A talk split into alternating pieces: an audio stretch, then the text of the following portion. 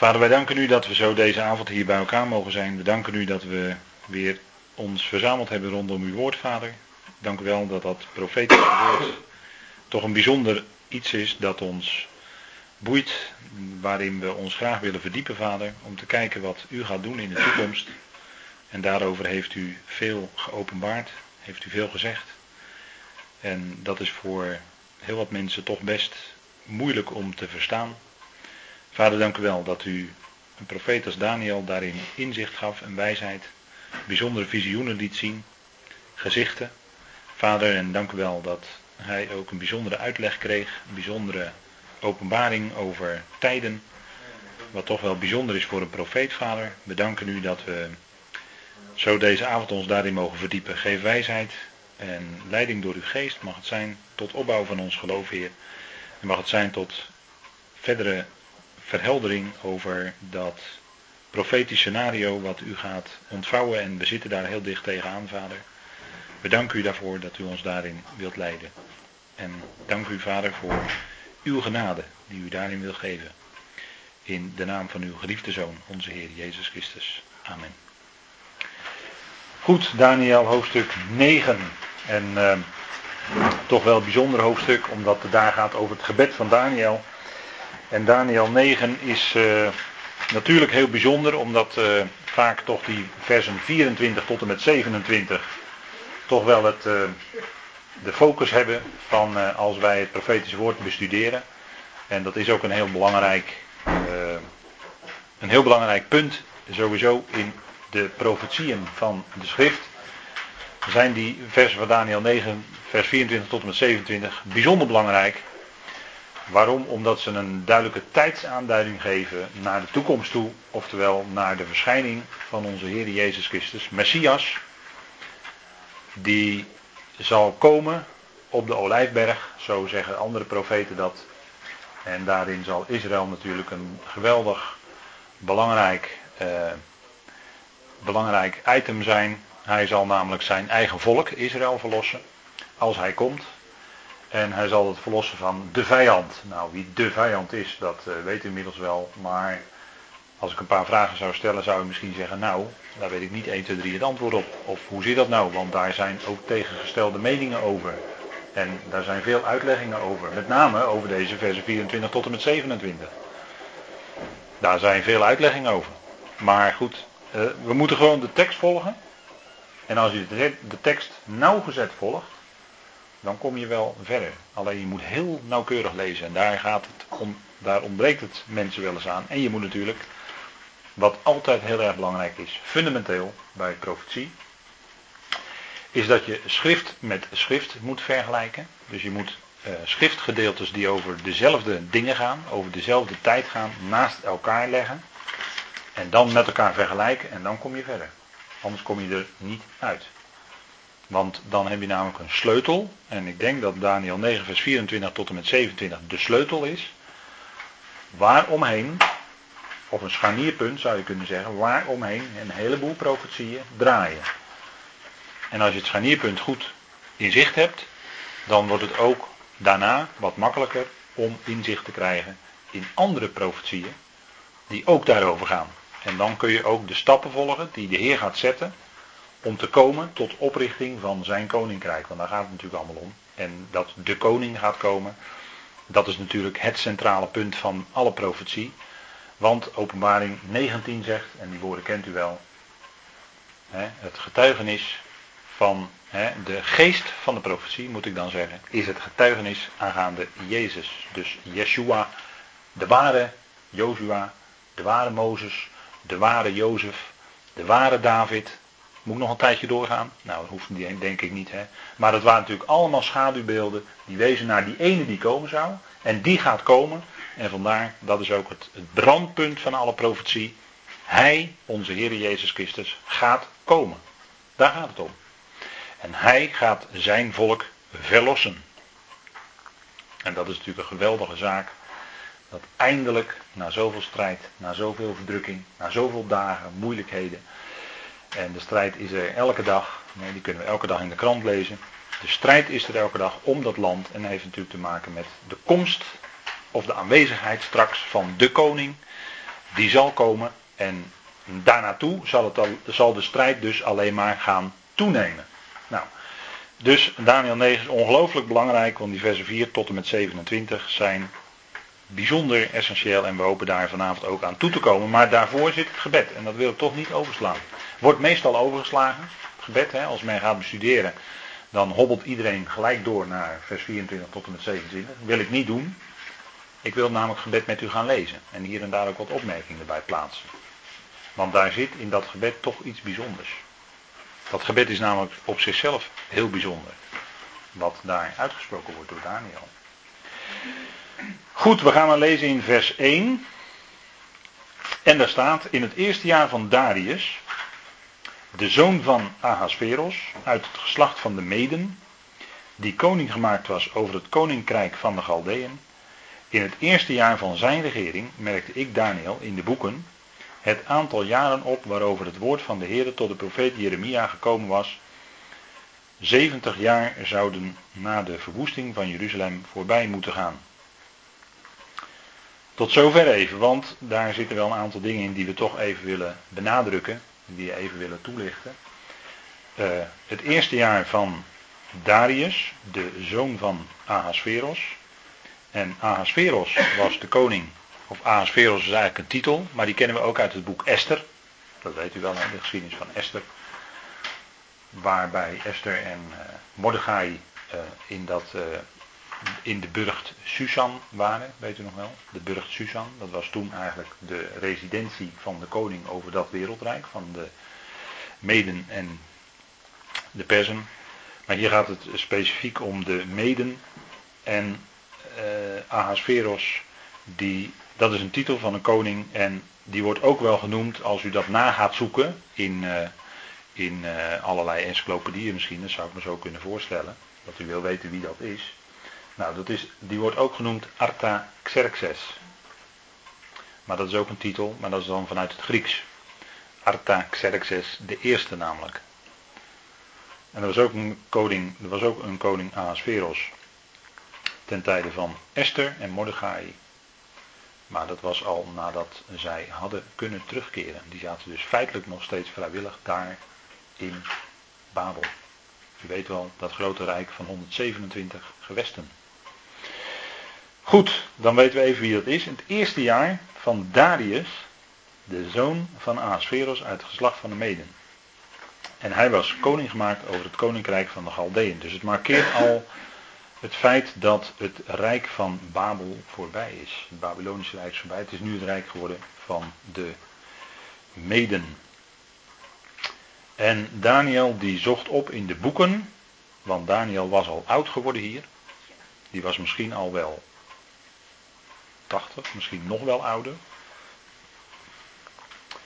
En als hij bijvoorbeeld hoorde bij de edelen die eerst weggevoerd werden uit Juda, dan zou hij misschien hier zelfs wel 90 kunnen zijn. Of bijna 90. En hij slaat op in de boeken van de profeet Jeremia. dat heeft te maken met ja en uh, uh, met hoogte, met verheven. Uh, Rimon, Rama, dat zijn ook woorden die, die daarin mee verwant zijn in het Hebreeuws. Ja is verheven, betekent de naam Jeremia. En Jeremia had geprofiteerd over de duur van het gedeporteerd zijn, dat moet ik even heel nauwkeurig zeggen, het gedeporteerd zijn van het volk. Gedeporteerd zijn van het volk. De duur daarvan was 70 jaar. De ballingschap, let op, de ballingschap was niet 70 jaar. De ballingschap was korter, de feitelijke ballingschap. Maar de wegvoering tot aan de terugkeer, of tot aan dat die periode voorbij is, daar was 70 jaren voor gesteld. En dat heeft te maken met het niet houden van de sabbatsjaren, dat is al opgemerkt vanavond. Het niet houden van de sabbat, en die werd alsnog gehouden. En het had te maken natuurlijk met het feit dat zij het verbond verbroken hadden, maar daarover lezen wij in Jeremia. En in Jeremia daar vinden wij dus die 70 jaren terug. En we gaan hetzelfde doen als wat Daniel deed. We gaan naar Jeremia en kijken waar het staat. Want Daniel had de boekrol van Jeremia Hij was namelijk een van de hoogsten van het Rijk, hè, Daniel. Dus hij kon makkelijk beschikking hebben over belangrijke boekrollen. En die voor hem natuurlijk heel belangrijk waren, waren natuurlijk die rollen onder andere van de profeet Jeremia. En die zocht hij na. En dan staat er bijvoorbeeld in Jeremia, uh, dat, is, uh, dat is die profetie over de vijgen, Jeremia 24. Het gaat over de vijgen en u weet dat Israël vaak vergeleken wordt met de vijgenboom. En u weet dat de vijgenboom hele grote bladeren heeft. En in de regel is de vijgenboom in de Bijbel. Wat is de, de, wat is de vijgenboom in de. Wat is die? In de regel in de Bijbel? Israël. Ja, is een beeld van Israël. Maar als er iets aan de Bijbel, aan de, als er iets aan de vijgenboom gezien wordt, wat wordt er dan geconstateerd? Vrucht of geen vrucht? Geen vrucht, hè? Meestal is die onvruchtbaar, hè, de vijgenboom. En vandaar die grote bladeren. Want die bedekken dan de onvruchtbaarheid. Dat, dat is een beeld van iets natuurlijk. Hè. De Heer Jezus die constateerde dat ook. Die constateerde dat het hele vroege vijgen waren. Maar dat had te maken met het heel klein beetje ontluiken van de staat Israël. Maar Zacchaeus zat in een wilde vijgenboom. Als teken van de Romeinse overheersing. Daarom was het een wilde vijgenboom. Hè. Daar zat Zacchaeus in. Maar de grote bladeren dienden tot bedekking. Maar we zullen niet teruggaan vandaag naar Genesis. Want de mens maakte zich schorten van vijgenbladeren. En vijgenbladeren hebben dan ook te maken met de eigen werken van de mens. Maar daar gaan we niet dieper op in, want dan verzeilen we in hele andere onderwerpen. Maar vijgenboom in de Bijbel is meestal onvruchtbaar. Nou, hier gaat het om vijgen. En Jeremia ziet dan een mand met goede vijgen, zoals de vroege vijgen zijn. En in een andere mand zaten de slechte vijgen, die vanwege hun slechte kwaliteit niet te eten waren. Toen zeide de Heer, Jeremia 24, vers 3. Toen zeide de Heer tegen mij: Wat ziet u, Jeremia? Ik zei: Vijgen. De goede vijgen zijn zeer goed, maar de slechte zeer slecht. Vanwege hun slechte kwaliteit zijn ze niet te eten. Toen kwam het woord van de Heer tot mij: Zo zegt de Heer, de God van Israël. Zoals die goede vijgen, zo zal ik de ballingen van Juda, die ik uit deze plaats heb weggestuurd naar het land van de Galdeën, kennen ten goede. u ziet wat hier staat. Wij kunnen zeggen, de Babyloniërs hebben Israël weggevoerd, of Juda, eh, moet hier zeggen Juda, Juda en Benjamin, de twee stammen. Die hebben de twee stammen weggevoerd uit het land. En dat was een gericht van God. En God zegt hier, ik heb uit deze plaats de ballingen van Juda weggestuurd. Dus hij gebruikte daarvoor Nebukadnezar, de Babyloniërs. Maar hij zegt in feite, ik heb ze weggestuurd. Dus hij gebruikte Nebukadnezar en de Babyloniërs als instrument in zijn hand om de ballingen uit Juda weg te sturen. Dus wiens werk was het ten diepste? Gods werk. Hè? Hij haalde Nebukadnezar naar Juda toe en die moest uh, de Judeërs en van de stam Benjamin ook, de twee stammen, in ballingschap wegvoeren. Dit is overigens de tweede ballingschap, hè, of de tweede, de laatste stammen die in ballingschap gingen. De eerste tien die gingen in 723, 722 door de Assyriërs in ballingschap, dus dat was al veel eerder. En u kunt op uw overzicht zien wat u heeft ontvangen en wat u ook nu kunt meelezen. Dat de eerste wegvoering gebeurde in 606 voor Christus pakken we dat er even bij. Dat zijn de twee stammen die dienstbaar aan Babel waren, 70 jaar. Maar de echte ballingschap was eigenlijk korter. Maar goed, dat is even terzijde hoor. Het gaat natuurlijk om die 70 jaar. En die begonnen in 606 voor Christus. De Babyloniërs verschenen drie keer voor de poorten van Jeruzalem. Dat was in 606 voor de eerste keer. Vandaar dat daar ook het tellen begint. Dat was in 598 voor de tweede keer. En in 5, 586, als ik het goed zeg, voor de derde keer. En toen ging uiteindelijk de laatste gingen weg uit, eh, werden weggevoerd uit Juda. Maar de deportatie die begon dus in 606 voor Christus. Goed, dan gaan we even terug naar Jeremia 24. Houdt u even dat schema erbij. Ik zal mijn oog, vers 6, op hen gericht houden ten goede en ik zal hen naar dit land doen terugkeren. Ik zal hen bouwen en niet afbreken. Ik zal hen planten en niet wegrukken. Ik zal hun een hart geven om mij te kennen, dat ik de Heer ben en ze zullen mij tot een volk zijn en ik zal hun tot een God zijn, want ze zullen zich tot mij bekeren met heel hun hart. Maar zoals de slechte vijgen die vanwege hun slechte kwaliteit niet te eten zijn, want zo zegt de Heer, zo zal ik Zedekia maken, de koning van Juda, zijn vorsten, het overblijfsel van Jeruzalem die in dit land zijn overgebleven en die in het land Egypte wonen. Ik zal hen voor alle koninkrijken van de aarde tot een schrikbeeld stellen, hoe slecht het kan aflopen tot smaad en tot een spreekwoord, tot een voorwerp van spot en tot een vloek in alle plaatsen waar ik hen zal verdrijven. Ik zal onder hen zenden het zwaard, de honger en de pest, totdat zij omgekomen zullen zijn uit het land dat ik hun en hun vaderen heb gegeven. En dan in Jeremia 25 wordt hier dus aangekondigd dat zij weggevoerd zullen worden. En dat dus, dat dus ook zou gaan gelden voor koning Zedekia. En dan lezen wij in vers uh, in hoofdstuk 25, vers uh, eh, 10, of even vers 9, hoofdstuk 25, vers 9. Zie, ik ga een boodschap zenden en ik zal alle geslachten uit het noorden halen, spreekt de Heer, en naar Nebukadrezar, de koning van Babel, mijn dienaar. Ik zal, over, ik zal hen over dit land brengen, over zijn inwoners en over al deze volken rondom. Ik zal hen slaan met de ban en hen stellen tot een verschrikking, tot een aanfluiting en tot eeuwige puinhopen. Eigenlijk staat er dan uh, ruïnes van of voor of gedurende de Olaan, hè, gedurende de Aion. Ik zal uit hun midden doen verdwijnen de stem van de vreugde, de stem van de blijdschap, de stem van de bruidegom en de stem van de bruid, het geluid van de molenstenen en het licht van de lamp.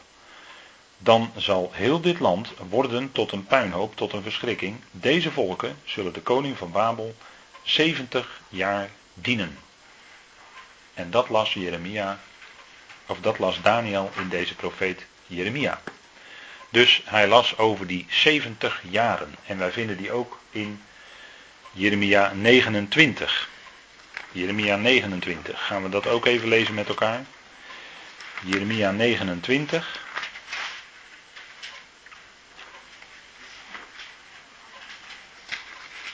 Want daar vinden we in feite dezelfde, hetzelfde aantal. En dat heeft Daniel natuurlijk ook gelezen.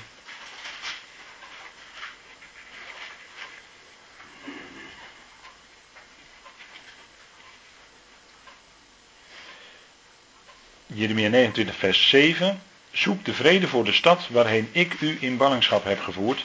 Bid ervoor tot de Heere, want in haar vrede zult u vrede hebben. Dus hier geeft de Heer opdracht om te bidden voor, niet voor de vrede van Jeruzalem, maar voor de vrede van Babel.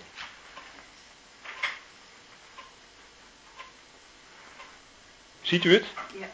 Bid ervoor tot de Heer, want in haar vrede zult u vrede hebben. En dat gaat over Babel, of over Babylon. Zoek vrede voor de stad waarin ik u in ballingschap heb gevoerd. Dus met andere woorden, bid voor de vrede van Babel. Omdat zij daar zitten. Dus het is heel anders dan wat, uh, wat je algemeen hoort. Hè, bidden voor de vrede van Jeruzalem. Uh, dat is op zich heel goed bedoeld. Als je dat doet. is goed bedoeld hoor. Alleen het komt niet. Het komt pas op het moment dat de Messias komt. Dan komt er pas vrede. En dan is het ook pas echt gepast om daarvoor te bidden. En dat is ook de setting eigenlijk van Psalm 121. Maar vrede komt er niet hoor. En dat blijkt ook uit het vervolg van Daniel 9. Vers 8. We lezen even verder in, in Jeremia 29, vers 8. Want zo zegt de Heer van de legermachten, de God van Israël, laat uw profeten die in uw midden zijn en uw waarzeggers u niet bedriegen. Luister niet naar uw dromers die u laat dromen, want met leugen profeteren zij tegen u in mijn naam. Ik heb hen niet gezonden, spreekt de Heer, want al die profeten zeiden dat er vrede zou zijn voor Jeruzalem. Dat het wel los zou lopen allemaal. En dat er geen gericht zou komen over Jeruzalem. En dat het helemaal geen oorlog zou worden. En dat het helemaal goed zou aflopen met het volk. Jeremia moest zeggen dat het niet goed ging aflopen met het volk. Namelijk dat ze weggevoerd werden. En dat er verwoestingen zouden komen. Terwijl al die andere profeten zeiden dat er vrede zou zijn voor Jeruzalem. Maar er, kwam geen vrede voor Jeruzalem. Toen niet. En daarom zegt Jeremia hier dat al die andere profeten, dat waren leugenprofeten. Ze profeteerden wel heel mooi en ze zeiden misschien wel heel mooi dat de Heer vrede zou brengen over Jeruzalem. Maar het was niet zo hoor in die dagen. Het lag precies andersom. Ze moesten bidden voor de vrede van Babel, waar ze naar weggevoerd werden. Dat was het verhaal wat Jeremia moest vertellen. En dat werd hem niet in dank afgenomen. Want, zei de Heer Jezus later, een profeet is in zijn eigen vaderland niet geëerd. Hm? En dat, kan, dat uh, kon hij zich zo ook voorstellen, de Heer Jezus zelf. Nou, dan staat er in vers 10, want zo zegt de Heer, voorzeker pas wanneer 70 jaren in Babel voorbij zijn, zal ik naar u omzien en over, mij, over u mijn goede woord gestand doen door u terug, terug te brengen naar deze plaats. Dus eerst 70 jaar deportatie en daarna zouden ze kunnen terugkeren. Dus hier zien we nog een keer, wat we ook in vers hoofdstuk 25 al lazen, dat er een, eerst een periode zou zijn van 70 jaren. 70 jaren wegvoering. 70 jaren dienstbaar zijn aan de koning van Babel. En dat is natuurlijk het punt, hè? En dat las Daniel dus in de boeken, in de boekrollen, in Jeremia. Dat las hij. En hij constateerde dat die 70 jaren bijna voorbij waren. En dan ziet u eigenlijk de volgorde wat Daniel doet. Kijk, Daniel gaat eerst de schriften na. En dat is voor ons ook een, laten we zeggen, iets waar je wat aan zou kunnen hebben, denk ik. Daniel ging eerst de, schriften na, zag hoe ver het was in de tijd en ging op grond van die schriften bidden. En dat is ook wat je eigenlijk zou doen. Dus eerst die schriften leren kennen en dan kun je ook bidden op de schrift zelf en naar de schrift. En anders kun je natuurlijk hele mooie gedachten hebben. Zoals er vandaag ook veel opgeroepen wordt om te bidden voor de vrede van Jeruzalem. En dat, op zich is daar helemaal niks verkeerds mee natuurlijk. Alleen wees je dan bewust wanneer die vrede echt gaat komen. Wees je dat in ieder geval dan bewust. Laat ik dat er dan bij zeggen. Maar eh, wees, je, wees je wel heel goed bewust dat er nu vandaag tot en met het einde van de 70ste jaarweek geen vrede komt voor Jeruzalem. De vrede die komt zal een valse, een schijnvrede zijn. En dan zal iedereen zeggen op de wereld, ah, oh geweldig, er is vrede daar. Nou, en ook de Joden die dan zo moe zullen zijn en dat zullen accepteren, die zullen van een koude kermis thuiskomen, hè, zoals ze dat dan in Nederland zeggen. die, zullen, uh, die zullen ineens ontdekken met wie zij een verbond hebben gesloten.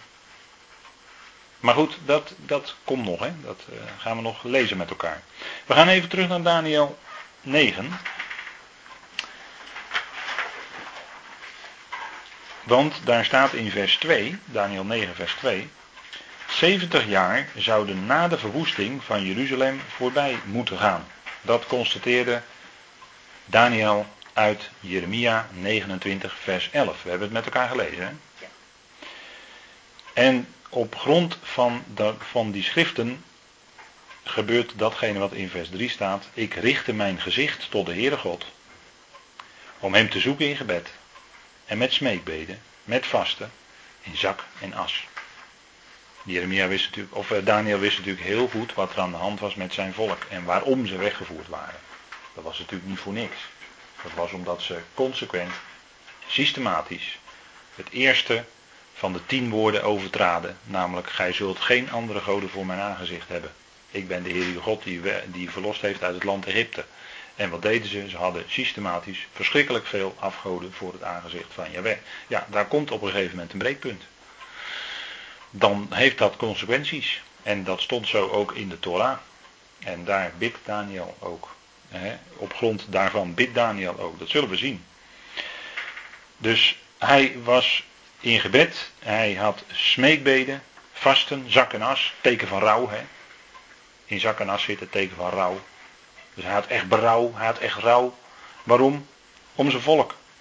Ik bad tot de Heere mijn God en deed beleidenis. Och Heere, en zei, Och Heer, grote en ontzagwekkende God, die zich houdt aan het verbond en de goede tierenheid ten aanzien van hen die hem liefhebben en zijn geboden in acht nemen, wij hebben gezondigd.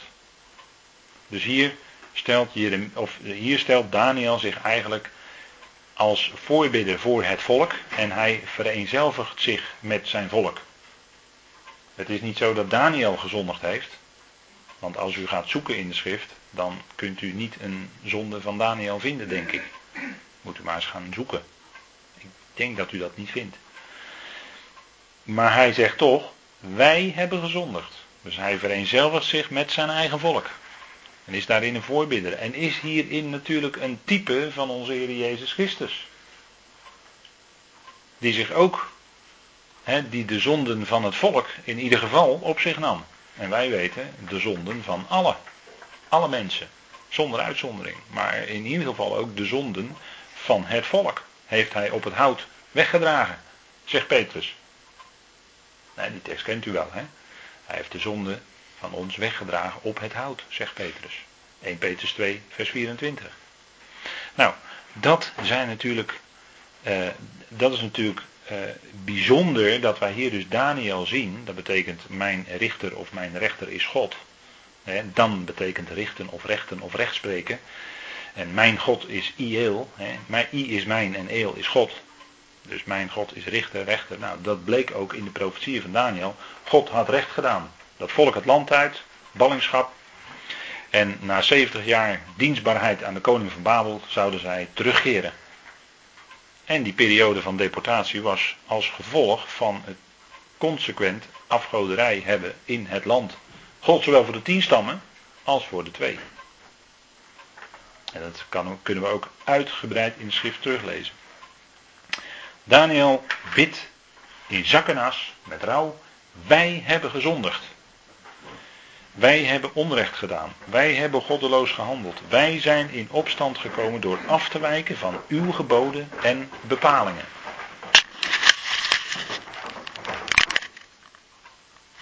Goed. Vers 5. Ze zijn in opstand gekomen. Ze, hebben af, ze zijn afgeweken van uw geboden en bepalingen.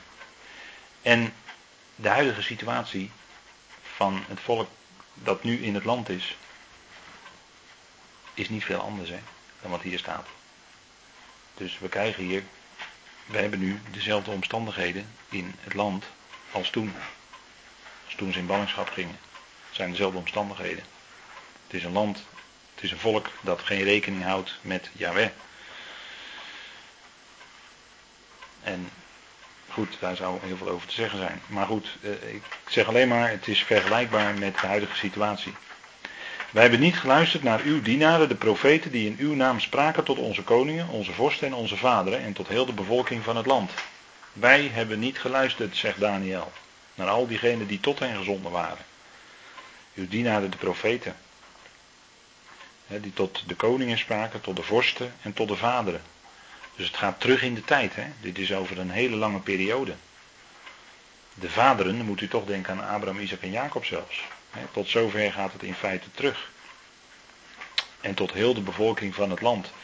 Bij u, Heer, is de gerechtigheid, maar bij ons de schaamte op het gezicht. Zo is het heden ten dagen bij de mannen van Juda, bij de inwoners van Jeruzalem en bij heel Israël, die dichtbij zijn en die ver weg zijn, in alle landen waarin u hen verdreven hebt, om hun trouwbreuk, die zij tegenover u gepleegd hebben. Het was breuk van trouw, zij waren niet trouw aan Yahweh, en dat kwam te staan op een verdrijving uit het land. De tien stammen gingen eerst, nogmaals, in de ballingschap in Assyrië, door de Assyriërs in 722 voor Christus.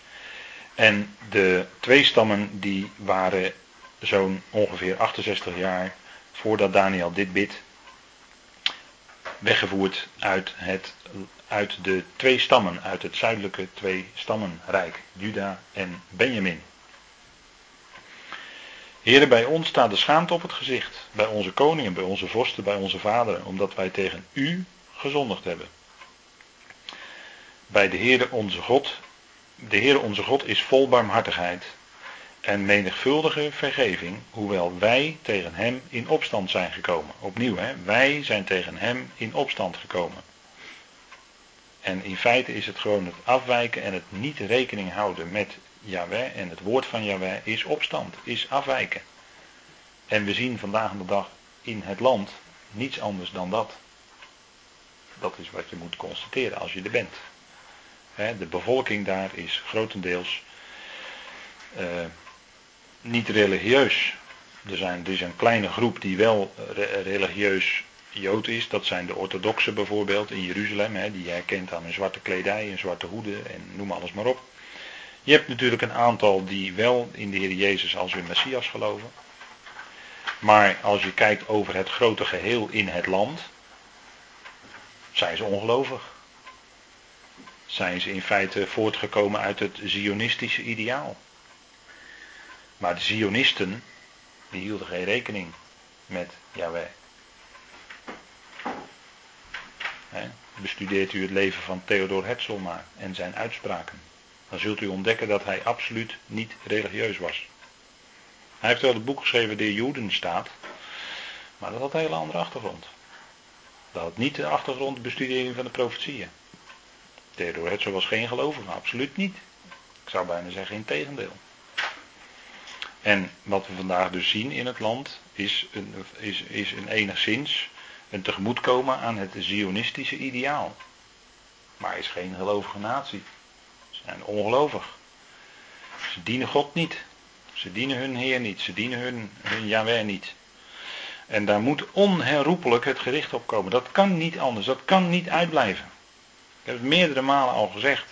Het zijn nu dezelfde omstandigheden als voordat zij in ballingschap gevoerd werden. En daar moet onherroepelijk wegvoering uit voortkomen. En verwoesting van Jeruzalem en verwoesting van het land. Dat kan niet anders. Het is toen gebeurd. Je hebt nu dezelfde omstandigheden. Dus de Heer gaat weer zo handelen. Dat, dat is zijn vaste wetmatigheid. Zo handelt hij. Het is zijn land. Denkt u erom? Leviticus 25. Het land is mijn, zegt Jabé. Het is, het is niet van. We kunnen het niet zeggen van. Ja, maar het is een politiek proces en de Palestijnen hebben ook wel recht op een stukje land en de Joden die er nu wonen hebben er ook recht op. Ah, eh, wacht even, het is zijn land. Het is niet het land van mensen. Het is het land van Yahweh en hij geeft het aan wie hij dat wil. Dat, dat is de zaak, hè. Daar gaat het om.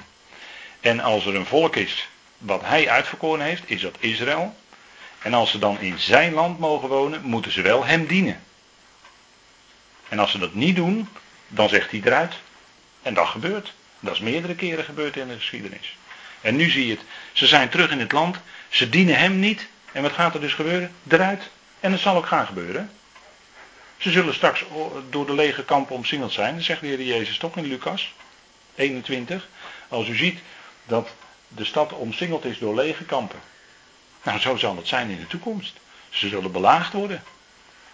En dan zal er ook verwoestingen komen. Maar dat zegt Daniel ook. Dus ze zijn in opstand gekomen. Ze hebben niet geluisterd. En dat doen ze vandaag de dag nog niet. Maar heel Israël, vers 11, heeft uw wet, hè, uw onderwijzing is er dan. Torah is onderwijzing. Hè. Ze hebben uw onderwijzing overtreden. En is afgeweken door niet te luisteren naar uw stem.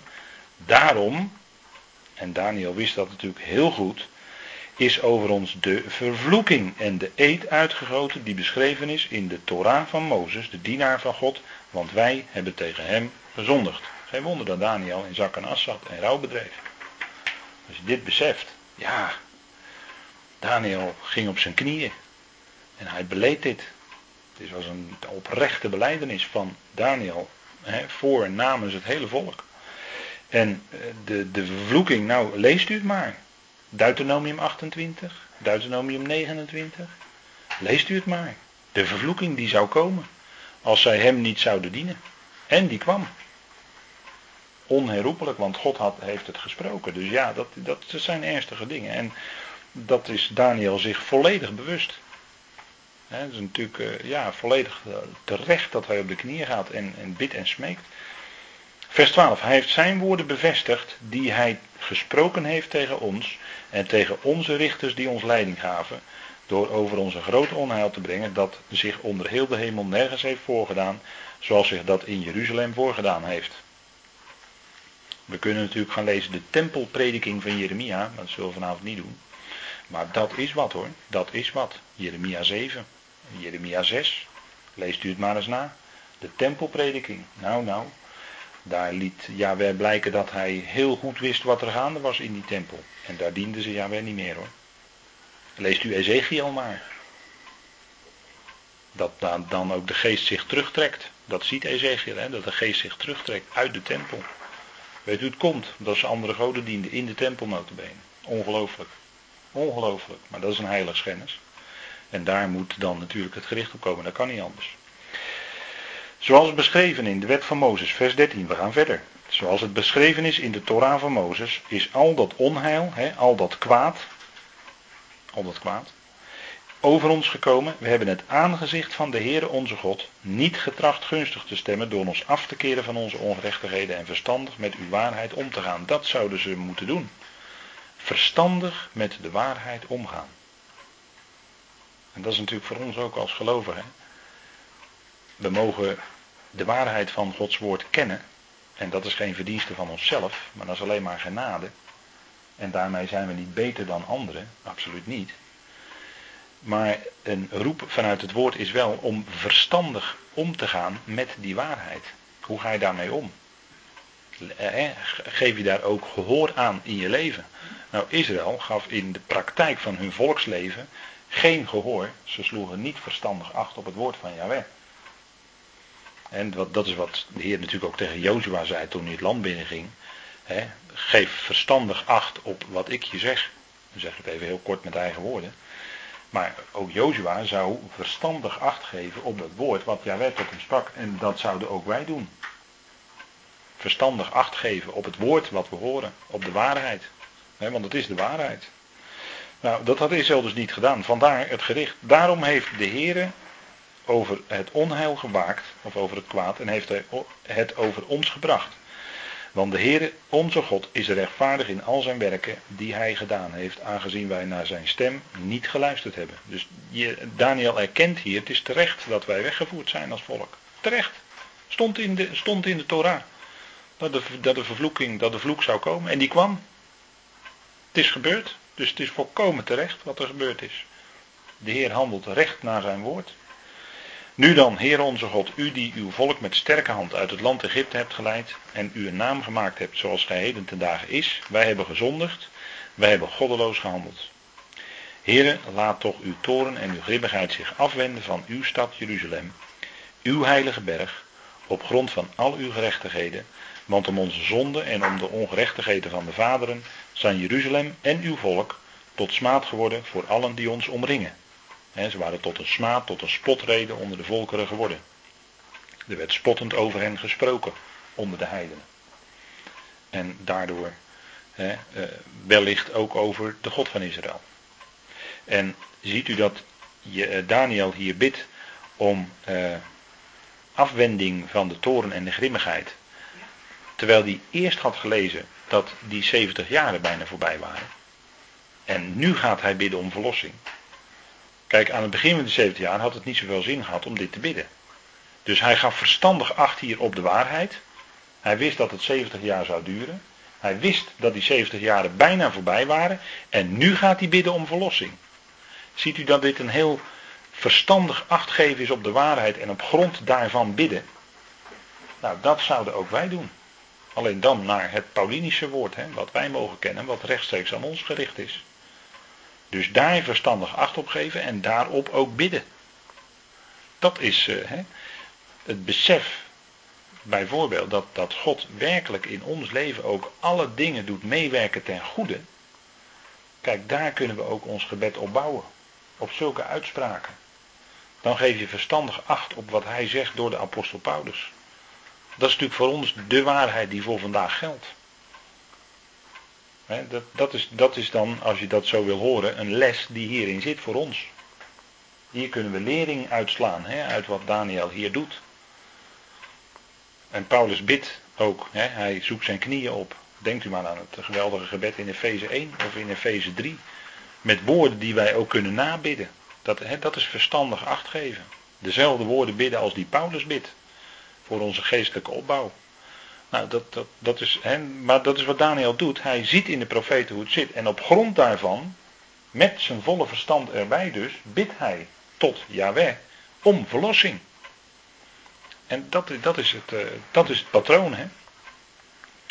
Dus we kunnen ook niet zeggen, ja, uh, wacht eens even, alles ligt toch al vast in Gods plan, ik hoef niet meer te bidden. Nee, daar haalt de Heer hier een dikke streep doorheen hoor, met dit, dit is toch het bewijs. Daniel erkende de schriften, hij wist hoe het zat, hij wist ook dat die 70 jaar zou duren en dat daarna er verlossing zou komen, wist hij allemaal uit de schriften. En toch ging hij bidden. Dus het gaat niet buiten ons gebed om. Want Yahweh wil dat zijn naam aangeroepen wordt. En daar zal het ook allemaal op uitlopen natuurlijk in de toekomst. Dat Israël de naam van Yahweh gaat aanroepen. En dan zullen ze ook verlossing ontvangen. Maar dat is toch ook wat we al weten uit de schrift. En ieder die de naam des Heeren aanroept zal gered worden. Dat is toch wat de profeten zeggen. Nou, en dat is wat Daniel hier in feite doet. Hij roept hier de naam van Yahweh aan om verlossing. En Yahweh stuurde die ook, want ze keerden, hè, ze zou een terugkeer komen. Dus u ziet dat het zo werkt. Nu dan, onze God, vers 17. Luister naar het gebed van uw dienaar en naar zijn smeekbeden. Doe omwille van de Heer uw aangezicht lichten over uw heiligdom dat verwoest is. Neig uw oor, mijn God, en hoor. Open uw ogen om onze verwoestingen en de stad te zien waarover uw naam is uitgeroepen. Want wij werpen onze smeekbeden niet voor u neer op grond van onze gerechtigheden, maar op grond van uw grote barmhartigheid. Heer, luister. Heer, vergeef. Heer, sla er acht op en doe het. Wacht niet langer omwille van uzelf, mijn God. Over uw stad en over uw volk is immers uw naam uitgeroepen. Daniel doet hier niets anders dan aanroepen van de naam. Hij roept hier de naam van de Heer aan. Hij roept om verlossing. En wat zal er dan gebeuren? Nou, dan komt er natuurlijk ook verlossing. Want ieder die de naam des Heeren aanroept zal gered worden. Zal behouden worden. Herhaalt Paulus ook in Romeinen 10. Hè? Daarom weten we dat het uh, is voor ons ook zo bekend. En dat, dat gaat de Heer ook doen. En weet u, dit gebed. Dit gebed is toch wel heel bijzonder. Want zou het zo kunnen zijn. Ik geef dat u mee ter overweging. Zou het zo kunnen zijn dat Israël dit gebed gaat bidden aan het eind van de 70, 70ste jaarweek. Als ze niet meer naar links, niet meer naar rechts, niet meer naar voren, niet meer naar achter kunnen, alleen nog omhoog. Dus daarna de Heren aanroepen. Zou het zo kunnen zijn dat ze dit gebed gaan uitspreken? Het zou best kunnen. En misschien wel hier Daniel als vertegenwoordiger van zijn volk. Misschien wel door de leiders van het Sanhedrin. Dat zou zomaar kunnen. Dat zij dit gebed van Daniel, dat weten ze natuurlijk dat het in de schrift staat. Tuurlijk weten ze het. Dus het zou heel goed kunnen dat er iemand is in het Sanhedrin die gaat zeggen: Wij moeten dit gebed gaan bidden, want de nood is zo groot. Wij kunnen nog maar één ding, dat is de naam des Heren aanroepen. Dat weten ze dan toch uit de tenag. En het zou heel goed kunnen zijn dat ze dan dit gebed van Daniel gaat uitspreken. Ik geef het u alleen maar mee ter overweging. Ik heb daar geen bewijzen voor uit de schrift, zeg ik er ook gelijk bij. Maar het is heel goed mogelijk. Want dezelfde omstandigheden zijn daar. Dezelfde nood is er. Waarom dan ook niet hetzelfde aanroepen van de Heer? Waarom niet? Waarom zou dat niet kunnen? Dat is toch een goede mogelijkheid.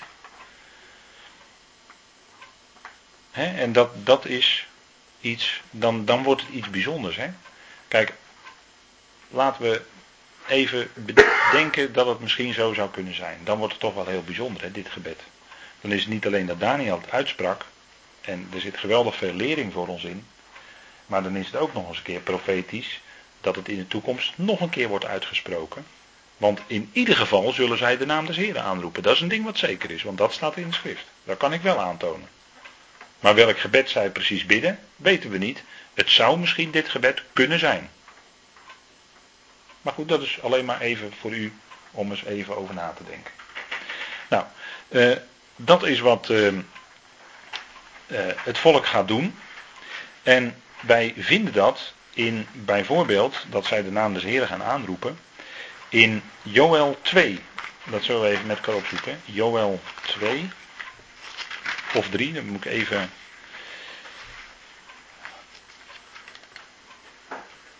Ja, Joel 2 toch? Dat, uh, ja.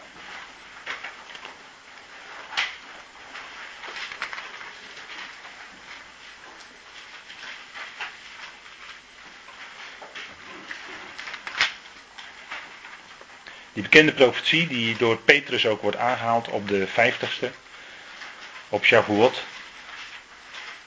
En dan spreekt, eh, daar citeert Petrus deze verse uit eh, Joel. En dan staat er vers 31 even voor om de tijd wil. De zon zal veranderd worden in duisternis en de maan in bloed voor die dag van de Heere komt, die grote en onzagwekkende. Het zal geschieden dat ieder die de naam van de Heere zal aanroepen, behouden zal worden. Want op de berg Sion en in Jeruzalem zal ontkoming zijn, zoals de Heere gezegd heeft, namelijk bij hen die ontkomen zijn, die de Heer zal roepen.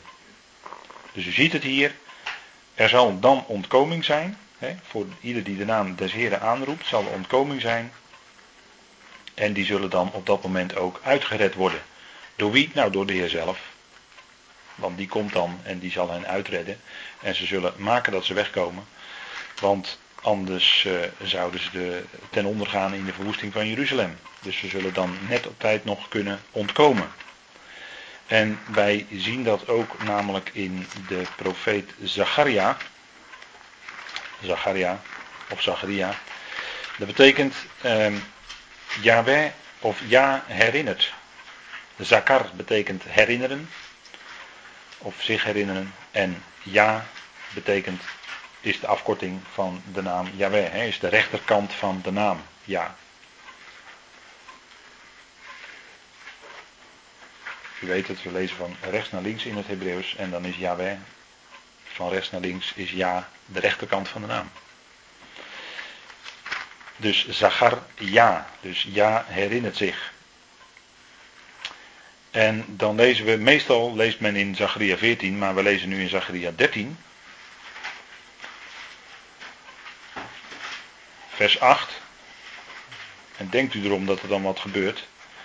En het zal gebeuren, spreekt de Heer, dat in heel het land twee derde ervan uitgeroeid zal worden en de geest zal geven en een derde ervan zal overblijven. Ik zal dat derde deel in het vuur brengen en het louteren zoals men zilver loutert.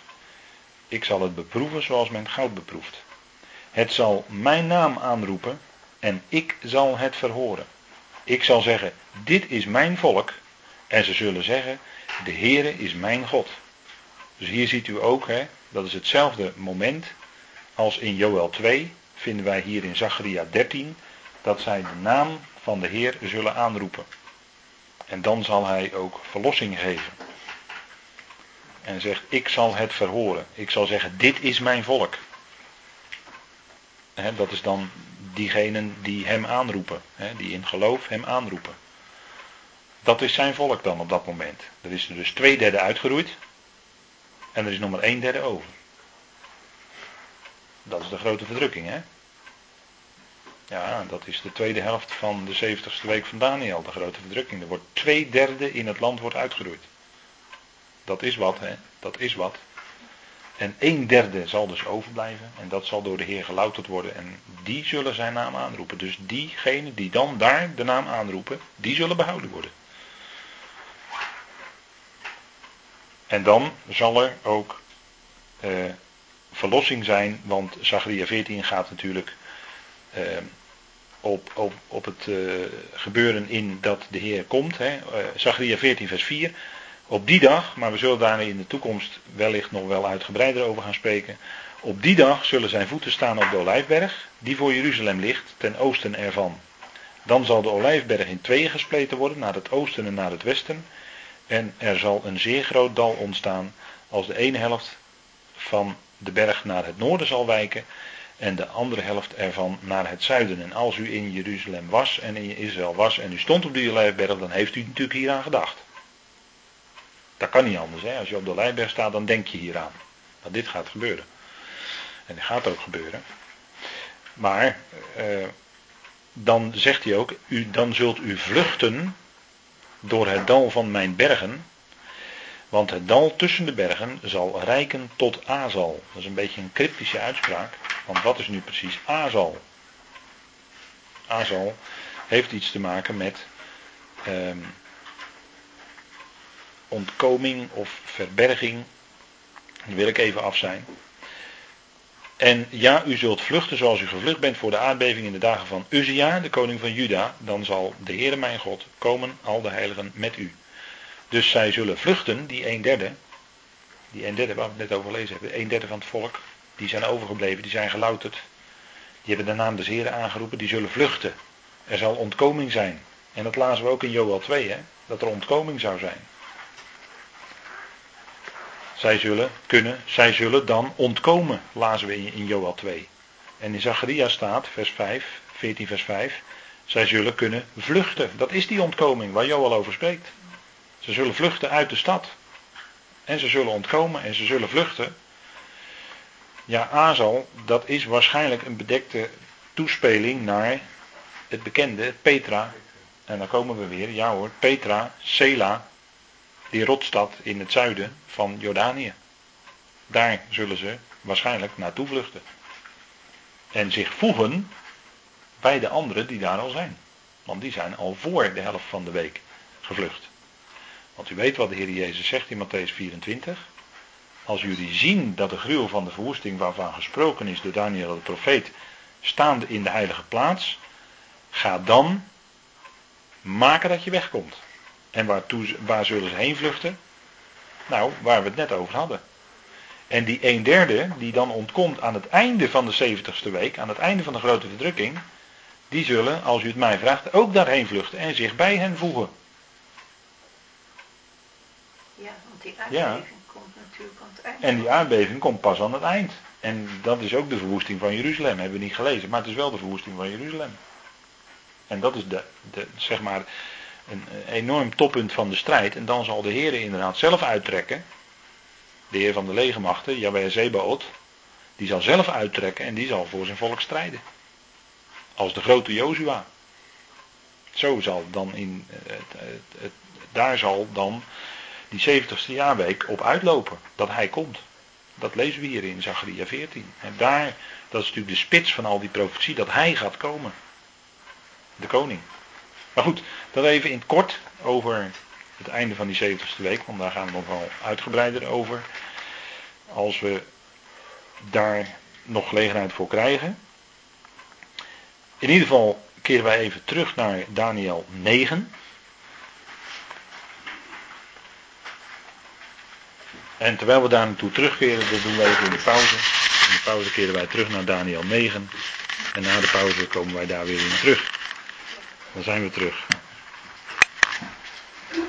Goed, dan eh, gaan we verder in Daniel 9. We waren gebleven in vers 20. Dus we waren na Zacharia weer terug in Daniel. En daar lezen wij in vers 20, nadat we dus dat hele gebed met elkaar al hebben gelezen. Terwijl ik nog sprak en bad en beleidenis deed van mijn zonde en van de zonde van mijn volk Israël en mijn smeekbeden uitstorten voor het aangezicht van de Heere mijn God, omwille van de heilige berg van mijn God, terwijl ik mijn gebed nog uitsprak, kwam de man Gabriel, die ik in het begin in het visioen gezien had, snel aangevlogen en raakte mij aan omstreeks de tijd van het avondoffer. En hij begon mij te onderwijzen en sprak met mij. Hij zei: Daniel, nu ben ik erop uitgegaan om u de betekenis te doen begrijpen. Bij het begin van uw smeekbeden is er een woord uitgegaan en ben ik zelf gekomen om u dat te vertellen, want u bent zeer gewenst. Begrijp dan dit woord en krijg inzicht in het visioen. En dat zouden we ook graag willen hebben. En de man Gabriel komt naar Daniel toe terwijl hij nog bezig is beleidenis van zonde te doen, van de overtredingen van het volk. En daarmee hebben we gezien vereenzelvigde vereenzelfde, dichtte hij, dank u, dichtte hij zichzelf met het volk. En dat was ook wel terecht, want dat volk was afgeweken van de onderwijzing van Yahweh en als gevolg daarvan waren ze weggevoerd uit het land.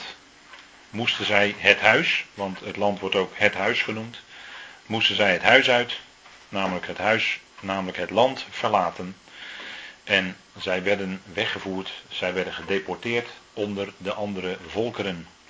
Dus onder de Galdeën, de Babyloniërs, de Mede en de Persen die kwamen overheersen. Nou, we hebben dat allemaal gezien in de voorgaande hoofdstukken. En Daniel, die kreeg een woord, hij mocht een woord ontvangen van de man Gabriel. Er staat niet Adam daar voor het woord man, er staat Ish. Ish in het Hebreeuws. Ish. En de vrouw is dan maninne eigenlijk, hè? Isha. Dus met eindigt op AH, dat is ook een vrouwelijke uitgang in het Hebreeuws. Isha. Dus hier wordt het woord Ish gebruikt voor man. En hij is feitelijk een hemelse boodschapper. Gabriel betekent uh, mijn God is de machtige. Of mijn God is, ja, er wordt in het Hebreeuws het woord GBR. Dus Gimel Beet Resh gebruikt. En in het Jiddisch is dat gewoon gabber. Maar dat zeggen wij natuurlijk hier niet. Want de gabber is je vriend hè, in het Jiddisch. Maar hier gaat het een, een geber in het Hebreeuws. Dat is eigenlijk een machtige. Wordt, wordt ook gebruikt bij, eh, als in Genesis gesproken wordt over mannen van naam. En dan gaat het over de zonen gods. Daar gaan we niet over spreken hoor, de zonen gods. Want daar zouden we een paar avonden over kunnen vullen. En dat is nog heel moeilijk. Maar daar wordt ook het woord GBR gebruikt en wel vaker. En het gaat hier over Gabriel dus. Zijn naam betekent mijn machtige is God.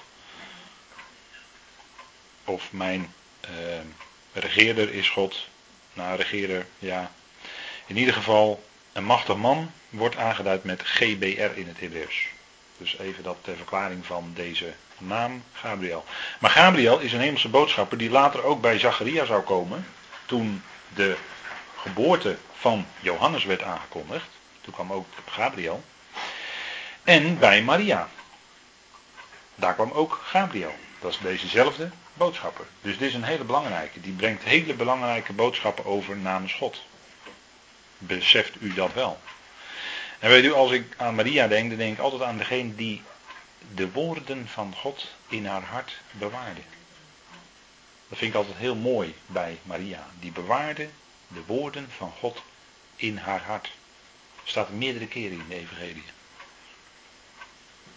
En dat is toch wel heel bijzonder. zij keek niet zozeer naar allerlei dingen die om haar heen gebeurden, dat ook. Maar vooral bewaarde zij het woord wat tot haar gesproken was. In haar hart. Woord van God. En dat is heel bijzonder.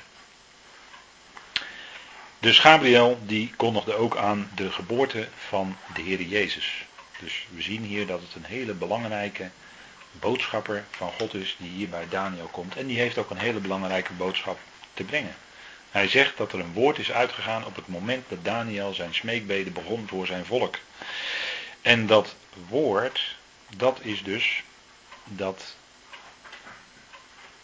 woord over die 70 jaar weken, zoals we dat altijd noemen. 70 zevens van jaren zijn het eigenlijk. Letterlijk staat er 70 zevens. Maar het blijkt dat alles dat het steeds periodes zijn van 7 jaar. Dus dan hebben we in totaal een periode van 490 jaar. Op zich is dat helemaal niet zo moeilijk, maar mensen vinden dat al snel moeilijk, omdat het hier geknipt wordt in een stukje van 7, een stukje van 62 en een stukje van 1. Nou, we, we hebben daar een, u heeft daar een bijlage van uitgedeeld gekregen ook. Of heeft u mee kunnen nemen, thuis uit kunnen printen, hoe u het zeggen wil. En ik heb dat wat meer in een concordante tekst gezet. En er staat in uh, Daniel 9. Um, Gabriel zegt tegen Daniel: Begrijp dan dit woord en krijg inzicht in dit visioen. Dus overweeg wat in het woord is en begrijp wat in het gezicht is. 70 zevens zijn afgezonderd, staat er eigenlijk. De herziende statenvertaling zegt bepaald. Nou, dat is een beetje lastig om dat eh, nu even taalkundig eh, hoe, te laten zien hoe dat zit vanuit het Hebreeuws, maar uh, de concordante vertaling heeft het woord afgezonderd. In het Engels is dat segregated. Ik zeg het er maar even bij. Segregated. Dat kennen wij in het Nederlands als het woord segregatie. En segregatie heeft iets te maken met afzondering, afzonderen. Maar dat moet u maar eens nazoeken. 70 zevens zijn afgezonderd over jouw volk en over jouw heilige stad. Want daar bad Daniel om. Hè? Hij bad steeds over het volk en de stad. Kijk, even één voorbeeldje uit het gebed van Daniel. U heeft er net wat overheen gelezen, maar dan wordt het wat duidelijker. Vers 16 bijvoorbeeld. Daar bidt Daniel over de afwending van de toren en de grimmigheid van uw stad Jeruzalem. Daar ging het hem om. Uw stad Jeruzalem. Dat de verontwaardiging en de grimmigheid van Jahweh zich daarover zou afwenden. Uw heilige berg op grond van al uw gerechtigheden, want om onze zonden en om de ongerechtigheden van onze vaderen zijn Jeruzalem en uw volk, dus ziet u het, hij bidt over Jeruzalem en uw volk tot smaad geworden. Nu krijgt Daniel antwoord en dan gaat het over uw stad en uw volk. Ziet u, hij heeft er heel nadrukkelijk voor gebeden en hij krijgt antwoord hier van God. Hè? En dat is ook een geweldig iets wat uit de schrift blijkt, dat een, je krijgt altijd namelijk als gelovige antwoord op je gebed. Ja, wacht even, zegt u dan. Ja, wacht even. Uh, ik bid wel voor iets, maar de Heer geeft geen antwoord. Dan vraag ik me af, wat bedoel je dan precies met het antwoord? Bedoel je dan dat de Heer jouw verzoek inwilligt? Dat de Heer doet wat jij bidt? Of bedoel je dan, en bedoel je dat dan? Meestal bedoelen ze dat, hè? Als mensen dat zeggen. Ja, de Heer geeft geen antwoord op mijn gebed. Dan bedoelen ze eigenlijk, de Heer doet niet wat ik gebeden heb. Of wat ik wil. Kan, kan ik misschien wat, nog wat duidelijker zeggen. Maar ook als de Heer ons gebed niet verhoort, of als Hij niet doet naar ons gebed, is dat ook een verhoring, want dan is het beter, dan vindt de Heer het beter om ons gebed niet in te willigen. Om ons verzoek niet in te willigen. Dat is dan beter. Dat past dan beter in zijn plan. Dus dat is ook een gebedsverhoring. Begrijpt u het? Dus de Heer verhoort altijd onze gebeden. Dat is eigenlijk, eigenlijk kun je niet anders dan dat constateren. En hij geeft hier ook duidelijk antwoord. Want Daniel bad op grond van de schriften, hebben we gezien. Hij bad op grond van Jeremia. Hij bad een schriftuurlijk gebed dus. En op basis daarvan geeft de Heer ook antwoord. Heel specifiek over het volk en de heilige stad. En daar gaan die 70 zevens over. En dat wordt denk ik wel eens vergeten. Als mensen dit gedeelte bestuderen. Maar ze hebben te maken met het volk en de heilige stad. En natuurlijk de verlossing ervan. En dan staat er om de overtreding te voleindigen of vast te zetten. Om de zonde te doen eindigen. En om bescherming voor of tegen slechtheid te maken. En om gerechtigheid voor de eonen, voor betekent dan gedurende, de eonen te brengen. En om visioen en profeet te verzegelen. En om het heilige van de heiligen te zalven. Nou, dat is al heel wat, hè, wat hier staat in één vers. Dat is een ongelooflijk geladen vers natuurlijk. Hè. Nou, eerst gaan we even hebben over die 70 zevens. 70 zevens, en dan moet u even die andere bijlagen erbij pakken, dat schema dat u heeft ontvangen. 70 zevens, die zijn bepaald, zegt hij dan, over uw stad en volk. En dan heeft u ook een bijlage gekregen over de 4 keer 490 jaar. 4 keer 490 jaar.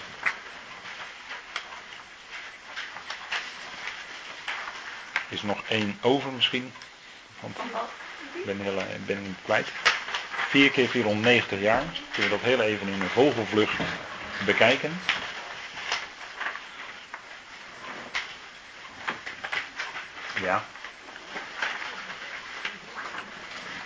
Dan ziet u dat eigenlijk uh, de tijden, de belangrijke tijden, ingedeeld zijn in vier periodes van 490 jaar. Dus we pakken eerst even die bijlage erbij. Daarna gaan we even naar het andere schema kijken. Vier periodes van 490 jaar. Vanaf de geboorte van Abraham tot aan de exodus uit Egypte is 505 jaar.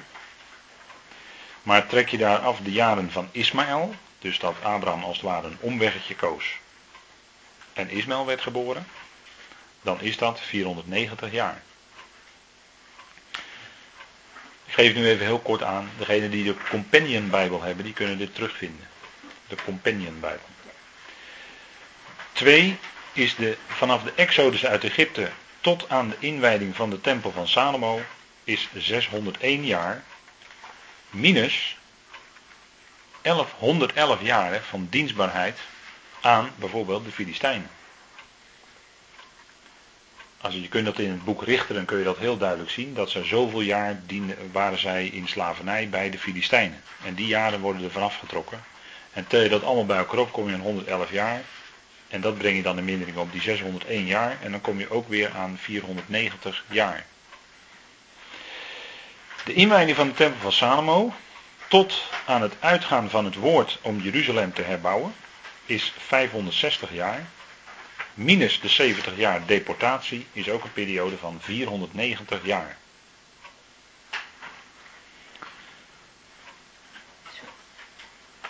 En dan vanaf het uitgaan van het woord om Jeruzalem te herbouwen, tot op Messias de Vorst, zijn zeven zevens, 62 zevens en 1 zeven maakt bij elkaar 70 zevens, dus ook 490 jaar. En dan heb je de Mashiach die komt en zijn koningschap wordt bekend dat hij koning der koningen is.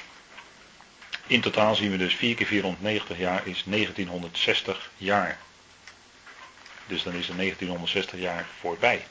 Ook niet, niet onopmerkelijk, hè? Goed, dan uh, ziet u dat er dus te onderscheiden zijn in de schrift vier periodes van 490 jaar. Dus dat deze periode, deze 70 zevens, die komen er niet zomaar even aan bij Daniel, maar die hebben wel een achtergrond. Er waren namelijk al drie periodes van 490 jaar geweest. En nu zou er een periode weer gaan aanbreken van opnieuw 490 jaar.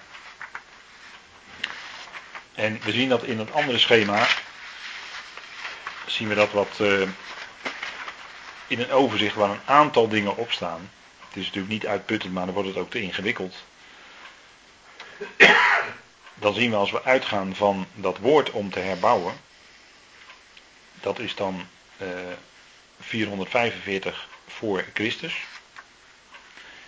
tot aan de afsnijding van de Messias, is precies 69 keer 7 jaar. Maar dan moet je wel uitgaan van jaren, profetische jaren van 360 dagen. En dan kom je precies uit op het moment dat de Heer over de olijfborg trok. En hij weende over Jeruzalem, zoals staat in Lucas 19. Dat markeerde het einde van de 69ste jaarweek van Daniel. En een dag of drie, vier daarna werd hij inderdaad afgesneden. Afgesneden waarvan? En wat had hij dan niet? Nou, dat, uh, daar, daar komen we allemaal nog op. En dan gaat er een zekere periode voorbij, die wij kennen als de bedeling of het beheer van het geheimenis, van de verborgenheid. En dan nou, op een zeker moment begint die laatste jaarweek. Dus die laatste jaarweek is nog toekomst. En ook daarover is veel oneenigheid hoor. Velen willen dit verklaren tot het verleden, maar dat gaat niet. Ik heb u wel eens gewezen op de historische school die zegt dat het vervuld is, die zeven jaar, bij Antiochus Epiphanes, maar dat is niet waar, want die verdrukking die duurde drie jaar en geen drieënhalf jaar. Kunt u nalezen bij Flavius Josephus, en ook bij een Plinius, een geschiedschrijver Plinius, kunt u het ook nalezen. Dat dat drie jaar heeft geduurd en geen drieënhalf jaar. Dus klopt niet, is niet verleden, is dus nog toekomst. En er zijn soms de meest wonderlijke laat ik het maar wonderlijk noemen, wonderlijke redeneringen geweest om vooral maar te verklaren dat die 70ste jaarweek in het verleden al gepasseerd is. Maar daarvoor is geen moment in de geschiedenis aan te wijzen. Als je tenminste eerlijk bent, is er geen moment aan te wijzen. Of je moet. En maar dan kom je bij de wijsheid van deze wereld terecht en u weet wat Paulus daarvan zegt.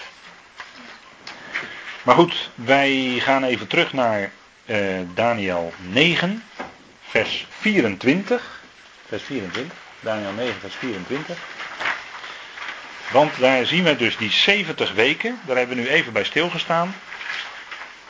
En het verschijnsel doet zich dus voor, en dat wilden, ook, dat wilden we eigenlijk ook illustreren met die 4 keer 490 jaar, dat er dus periodes tussenuit kunnen vallen. Die 111 jaar van dienstbaarheid aan andere volkeren, dat zijn periodes die daar uitvallen. Dus we zien dus dat die periodes van 490 jaar in de geschiedenis niet altijd, eigenlijk nooit, aaneengesloten periodes zijn. En dat verschijnsel doet zich dus hier bij deze 70 jaar weken ook voor. Het zijn geen aaneengesloten periodes. Het blijkt in de geschiedenis dat er dus na die 69ste week een hele lange periode voorbij gaat. En pas dan gaat die 70ste week lopen. Met andere woorden, de klok van Gods heilshandelen of Gods handelen met Israël staat stil. Die klok staat stil. Dan zegt u, ja, de tijd loopt door. Ja, maar die tijd, hè, dat, die profetische tijd, om het zo maar te zeggen, die staat stil.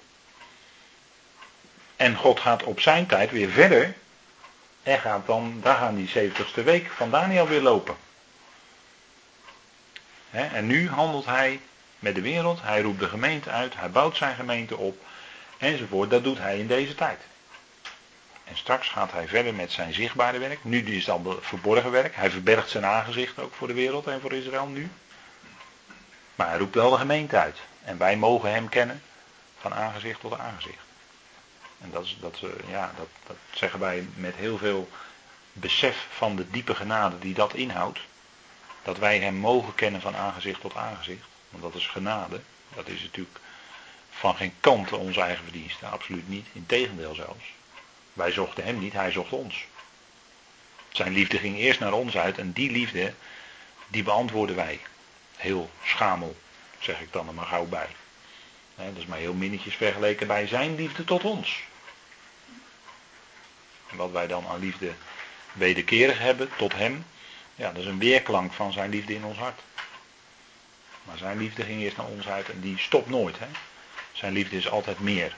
Dat stopt nooit. Dat is onuitputtelijk. Nou, goed.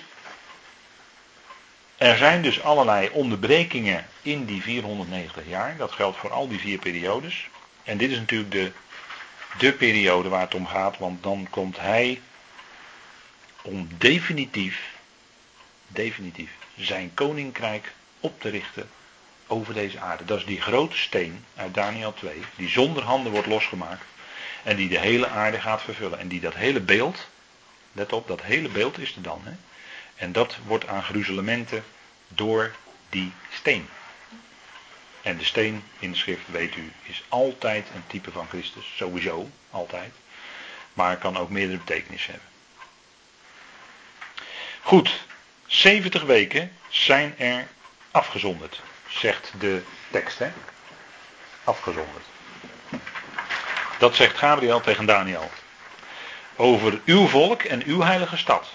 Dus daar gaat het om. En de focus ligt natuurlijk straks helemaal op die laatste jaarweek. Waar gaan die over? Over uw volk en over uw heilige stad. Dat is buiten kijf, hè? het staat hier gewoon. Om de overtreding te beëindigen, dus om, eigenlijk staat er om bescherming voor slechtheid te maken. Dat stoelt op het Hebreeuwse woord kafar, dat bescherming. Kafar wordt altijd gezegd dat is bedekking. Dat is maar een deel van de waarheid. Feitelijk betekent het bescherming. Het woord kafar wordt ook gebruikt toen de ark. Er wordt dan vertaald met pek, maar eigenlijk staat daar ook het woord kafar. Dat is dus bescherming van de ark, dat die ark niet zou zinken in het water. Die werd beschermd, een beschermende laag. Dat is eigenlijk het woord kafar. bedekking in het Hebreeuws is het Hebreeuwse woord kasa. Kaf, samech en een jot dacht ik, maar dat weet ik niet helemaal zeker. Dus dat is eigenlijk het woord voor bedekking. Kafar betekent bescherming. Vandaar ook het deksel, het verzoendeksel, is het keporet. Dat is de, het deksel van bescherming. Dat beschermde het volk namelijk tegen de verontwaardiging van Yahweh. Vanwege de tien woorden die erin lagen, in die ark. Dus beschermde het volk. En er werd ook bloed op gesprenkeld, hè. Eén keer per jaar op grote verzoendag. En dat was, dat was het teken van de bescherming. Dat, dan was er weer voor een jaar, zeggen we dan, verzoening. Nee, bescherming. Het was geen verzoening, het was bescherming. Voor het volk. Dat deed de hoge priester één keer per jaar. En als de hoge priester dan weer naar buiten kwam, dan was het weer een feit voor een jaar lang. Maar het moest steeds herhaald worden. Maar goed, we gaan nu niet verder in Hebreeën, want nu zitten we eigenlijk in Hebreeën. Maar bescherming. Het is bescherming. En dat is wat ook tot stand zal komen. Hè? Bescherming tegen de slechtheid. En om gerechtigheid voor de eonen te brengen. Dan zal er eindelijk recht gedaan worden. Hij zal het recht gaan voortbrengen in de komende Messiaanse Rijk. Zal het recht inderdaad zegevieren. Inderdaad, ja, omdat hij er is. Als koning der koningen en heer der heren. Dan zal er werkelijk recht gedaan worden. Dan zal ieder komen, toekomen aan wat hij nodig heeft. En in de nieuwe aarde, daar zal gerechtigheid zelfs wonen, staat er dan. Dat is geweldig, hè? Er wordt een geweldige tijd. De nieuwe aarde en de nieuwe hemel, dan zal de gerechtigheid werkelijk wonen. Fantastisch. Nou, toekomstmuziek. Maar het staat hier al, hè? gerechtigheid voor de eonen. Om de visioen en profeten te verzegelen. Dat is gebeurd, hè? Het visioen van Daniel is verzegeld. Dat geldt voor zijn hele boek. En de profeet, dus Daniel. Dus om dat zegel te kunnen verbreken in de zin van om te kunnen zien hoe het zit, daar heb je leiding voor nodig om dat zegel hè, als het ware te kunnen, op de goede manier te kunnen verbreken en om te kunnen zien hoe het zit in die profetie, heb je leiding door Gods geest voor nodig. Heb je de schriften voor nodig. Schrift met schrift vergelijken. Is ongelooflijk. En merk je ook, er zijn talloze en talloze uitleggingen van Daniel. De meest wonderlijke dingen zijn erover gezegd. En om het heilige van de heiligheden te zalven. Het heilige van de heiligen. Dat is natuurlijk een, een heenwijzing naar de allerheiligste plaats. Het heilige van de heiligen, van de tempel. Die er ook zal staan straks in het Messiaanse Rijk. De tempel van Ezekiel. Goed, vers 25. U moet weten en begrijpen of jij zult kennen en verstandig zijn. En dan, gaat dus, dan gaan we dus tellen vanaf het uitgaan van het woord om terug te keren en Jeruzalem te herbouwen, dan moet u weer goed lezen. Dit wordt ook vaak verkeerd gelezen. Maar waar gaat het hier over? Het gaat hier over het uitgaan van het woord om terug te keren en te herbouwen. Er zou dus een woord uitgaan dat zij mochten terugkeren om Jeruzalem en de muren te herbouwen, zodat het weer een stad zou zijn. Dus het gaat hier niet zomaar even om het einde van de 70 jaren van deportatie. Het gaat hier om een woord wat uitging, een specifiek woord wordt hierop gedoeld, om terug te keren en te herbouwen. En wie ging dat doen? U bent allemaal op zonderschool geweest, toch? Ja, dus met Nehemia Ja, Nehemia, natuurlijk, Nehemia.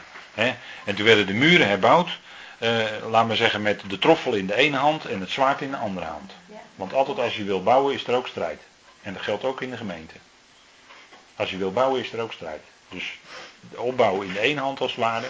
Maar je moet het zwaard, het kortzwaard ter verdediging klaar hebben van de andere kant. Want er is ook strijd. In de gemeente, in het lichaam van Christus. Altijd strijd en het gaat altijd om het woord. Altijd op een of andere manier gaat altijd om het woord. Dat zijn lessen die allemaal ook in Nehemia zitten hoor. Maar goed, dat is weer een heel ander chapiter van Nehemia. Goed, we gaan even lezen waar precies staat dat het woord uitging. Dat was onder uh, ook een zekere Artaxerxes.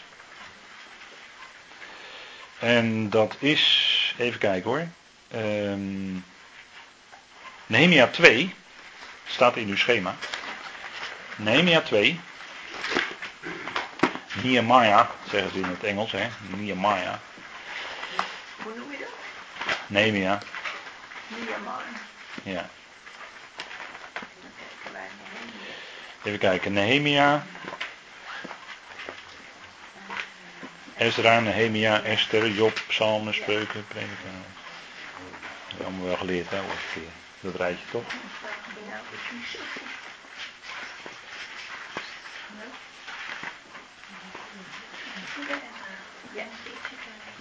Ezra en daarna Nehemia.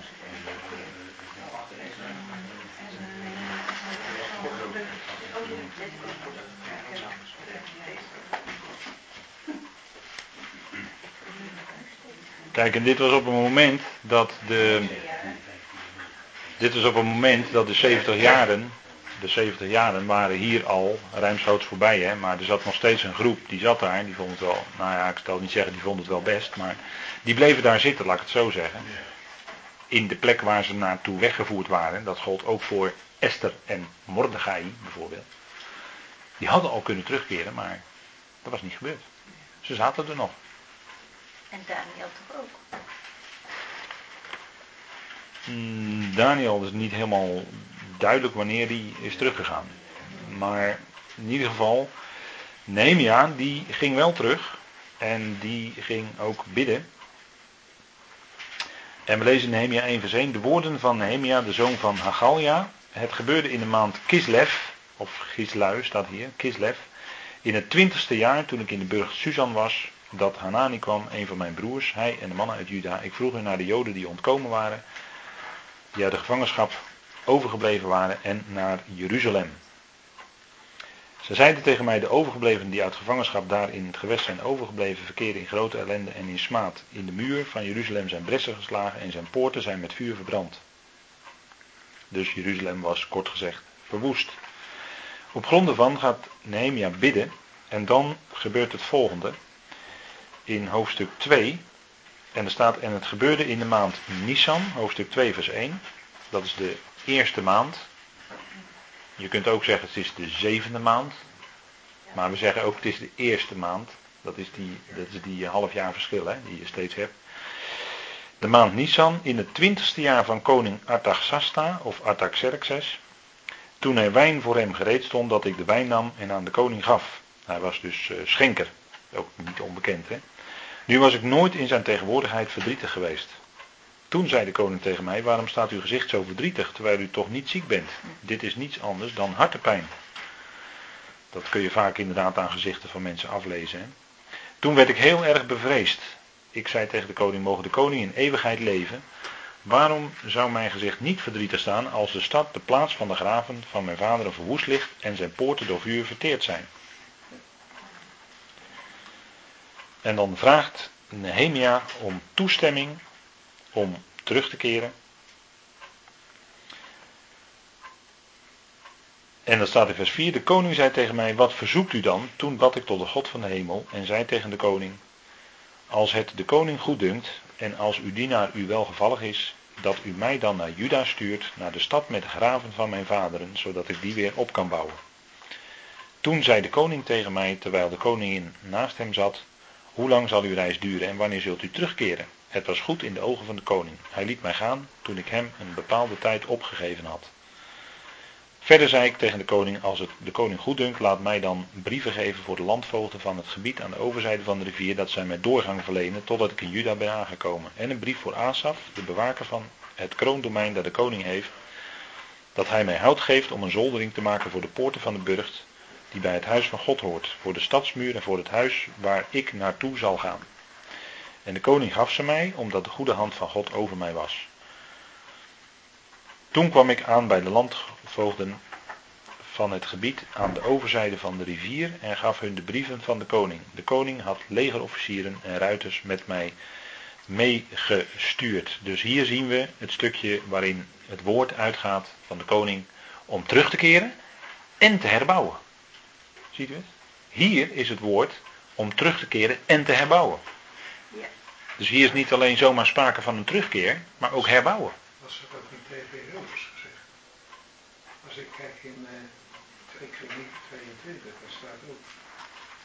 Uh, Zo zegt Chorus, de koning van Persia, de koninkrijk en de aarde heeft de Heer, de God des hemels mij gegeven en heeft mij opgedragen en mijn huis te bouwen in Jeruzalem. Ja. Even kijken hoor. 2 Kronieken 22. Ja, 23. 23. Door het land. Even kijken. En welk vers? 23. 2 Kronieken 23. Even kijken. 2 Kronieken 23. Even kijken. 2 Kronieken, sorry. 36, het laatste boek. Oh, 2, 2 Kronieken 36. Ja. Daarvan de 23 vers. 2 Kronieken 36. 23. Het 23e vers.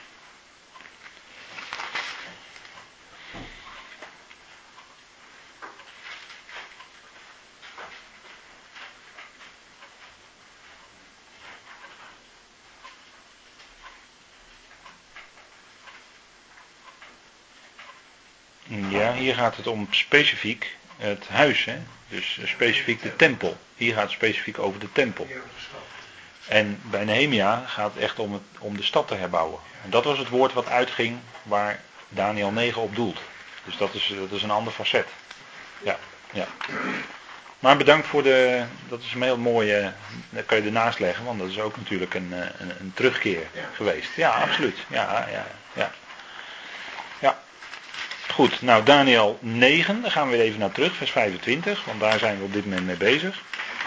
En we zien dus dat in Nehemia het woord uitgaat om terug te keren en te herbouwen. Dus we moeten scherp blijven lezen hè, wat er staat. Want anders dan lees je er net overheen.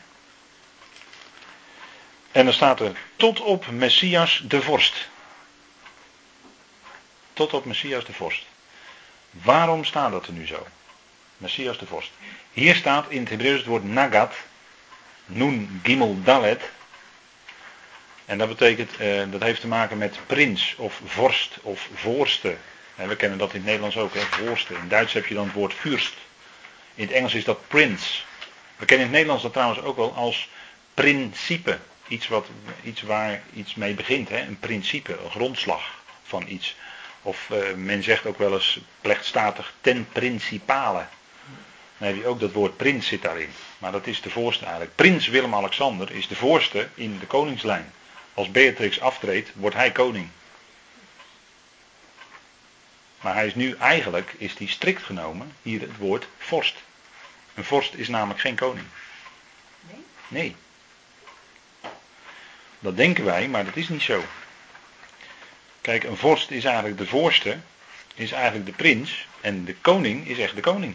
Is de regent, is de regeerder over alles. Vandaar dat hier staat Messias, de vorst. Er staat hier niet Melech in het Hebreeuws. En hij werd ook geen Melech toen hij hier op aarde was. Hij werd toch geen koning? Ja, ze hingen wel aan het kruis. Het bordje, dit is de koning der Joden. En dat is natuurlijk waar. Alleen op dat moment had hij zijn koningschap niet. Nou, ze deden hem spottend wel een koningsmantel aan. En dat was typologisch gezien volkomen juist. Want hij was de koning. Maar hij kreeg een doornenkroon opgedrukt.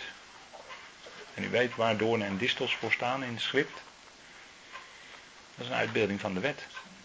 Een uitbeelding van de Torah, van de wet van Mozes. Doornen en distels. Die kreeg hij opgedrukt. Dat is onder de wet. Ze brachten hem onder de veroordeling van de wet, maar dat was niet terecht hoor. Maar ze wilden hem wel uit de wet veroordelen. En daarom wilden ze hem, ja, stenigen dat, ja, nee. Dus ze leverden hem over aan de Romeinen.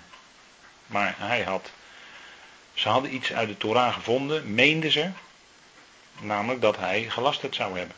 Namelijk dat hij zich aan God gelijk. Maar dat waren valse getuigen die dat zeiden.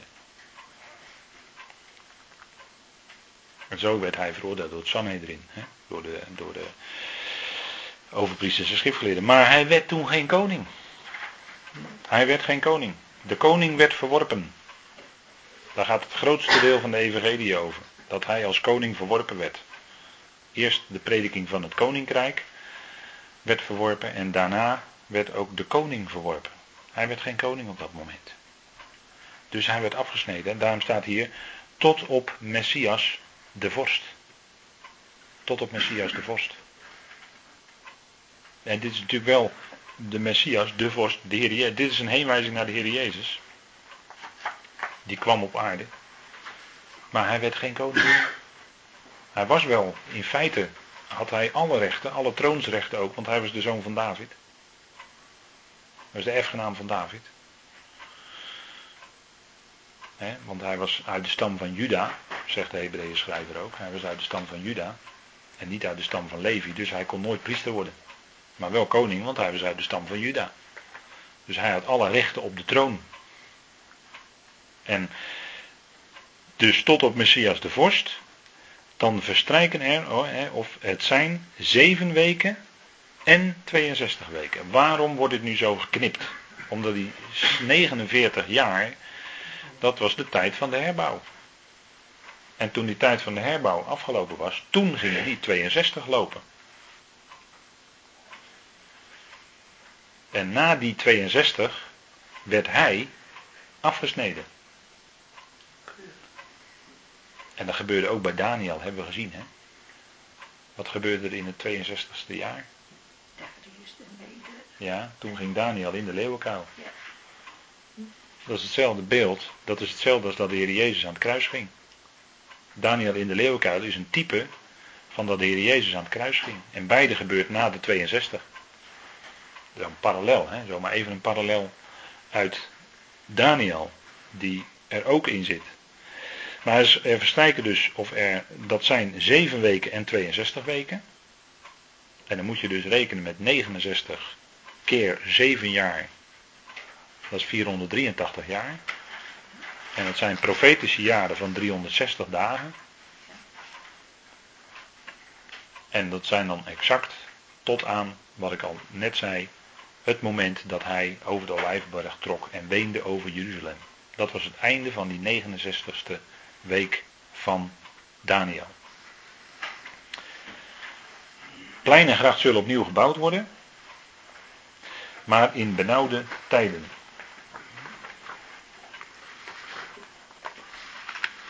Of plein en vesting, en het zal herbouwd worden, plein en vesting, zelfs in de era's van benauwdheid. Na de 62 zevens zal de Messias afgesneden worden. Dat is dus zijn dood aan het kruis. Einde van, voorlopig einde van zijn gang om koning te kunnen worden. Koning te worden. En dan staat er, en er zal voor hem geen recht of rechtzetting zijn. Dat is een toevoeging uit de Septuagint, recht of rechtzetting. Als je strikt het Hebreeuws volgt, dan moet je vertalen en, er, en het zal of er zal voor hem niet zijn. Of het zal voor hem niet zijn. En dan kunnen wij vragen, wat zal er voor hem niet zijn? Het koninkrijk. Het koninkrijk. Hij werd afgesneden. Hij werd geen koning. Had het koninkrijk niet. En je kunt ook zeggen vanuit de Septuagint, er zal geen rechtszitting zijn. Dus er zal hem geen recht gedaan worden. Want het was onrechtvaardig dat hij aan het kruis ging. Hij was zonder zonde. En het feit dat hij toch gekruisigd werd, was vanuit een bepaalde kant bekeken erg onrechtvaardig. En werd hem onrecht aangedaan. Dus vandaar dat hier staat, en er zal voor hem geen recht zijn. Op dat moment nog niet. Hij werd nog niet in de rechten van koning gesteld. Dat gaat nog allemaal komen natuurlijk. En de stad en de heilige plaats zullen een puinhoop worden bij het komen van een andere vorst. Heb je weer dat woord, hè? Van een andere vorst. Je kunt het ook vertalen met misschien met gouverneur. Dat is hetzelfde Hebreeuwse woord nagat waar ik het net over had. Dus de vorst. En dat bij het komen, dat woordje met, uh, dat is een beetje moeilijk vanuit het Hebreeuws. Want in andere vertalingen zult u het woord volk aantreffen. En het woord volk in het Hebreeuws is wat wij kennen als het woord am. Maar als je de punctuatie anders doet, dan kun je ook uitkomen bij het woord met. Het woord met en volk, die hebben heel veel, dat ligt heel dicht bij elkaar in het Hebreeuws namelijk. Dus vandaar dat je kunt ook vertalen zoals hier bij het komen of met het komen van een andere vorst. Je kunt ook vertalen met het woord volk. Dus hij zal komen met een volk. Soms wordt er vertaald met een klein volk zal hij komen. Dus dat is even de verklaring voor die verschillende vertalingen. Want dat brengt ook veel verwarring. Maar de stad en heilige plaats zullen puinhoop worden bij het komen van een andere vorst. En die andere vorst, en daar eindigen we dan vanavond mee, dat is niet de antichrist, dat wordt altijd wel gedacht, maar de antichrist is de religieuze figuur. Dit is de wetteloze. Die andere vorst hier uit vers 26 is de wetteloze, die door Paulus de wetteloze wordt genoemd. De wetteloze is niet dezelfde als de antichrist. Dat is een andere figuur. Want je hebt in de openbaring ook twee beesten. Beest uit de aarde en beest uit de zee. Het een heeft te maken met de wetteloze en de andere heeft te maken met de antichrist of de valse profeet. En misschien is de valse profeet alleen maar de mond van de antichrist. Dus er zijn er die zeggen, de valse profeet is de antichrist, want wat doet de antichrist? Die, die spreekt en die spreekt een valse religie. Uiteindelijk is de religie dat men hem zelf moet aanbidden. Nou, dat is weer een ander verhaal. Maar in ieder geval moet scherp blijven lezen. Hier gaat het om een politieke zaak. Hier gaat het om een andere vorst. En dan moeten we spreken over de wetteloze. Dus degene die zich van wetten en dergelijke helemaal niets aantrekt. Die zich gewoon negeert eigenlijk. En die gewoon volledig zijn eigen gang gaat. Dat is de wetteloze. Dus daar, die zal dan komen. En dan zitten we dus in, in, eh, in, ineens weer in de toekomst. Hè? Dus we zien dus die 69 zevens afsnijding van de Messias. Er zal voor hem geen recht zijn. Er zal hem geen recht gedaan worden. Hij zal het koninkrijk niet hebben. Daar zit in feite die tijd waar we nu in leven. Die, laten we zeggen, grofweg 2000 jaar. En dan gaat het ineens naar de toekomst. En dan wordt aan Daniel gezegd. En de stad en de heilige plaats zullen een puinhoop worden bij het komen van een andere vorst. En dat is de wetteloze. En daarover gaan wij de volgende keer weer verder. Want de tijd, het is de hoogste tijd inmiddels alweer. Goed, wij zullen de Heer danken.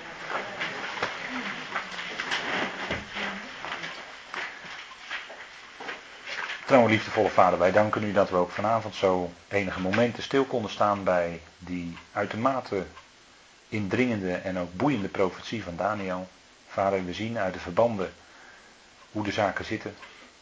Vader, in, in alle oprechtheid kunnen we toch geen moment aanwijzen waarop die laatste jaarweek al zou zijn geweest in de geschiedenis, vader. En daarom zijn we er diep van overtuigd dat dit nog toekomst is. En dat die vorst waar we net over lazen, vader, in uw woord, dat die misschien wel heel binnenkort zijn opwachting gaat maken. En op het wereldpodium naar voren geschoven zal worden. Vader, en al die dingen die dan gaan gebeuren. Vader, we zijn ermee bezig en we mogen misschien iets zien van de ontwikkeling van uw heilsplan. En misschien ook wel hier en daar tot in wat nauwkeuriger zaken. Vader, tot een aantal bijzondere zaken misschien ook wel.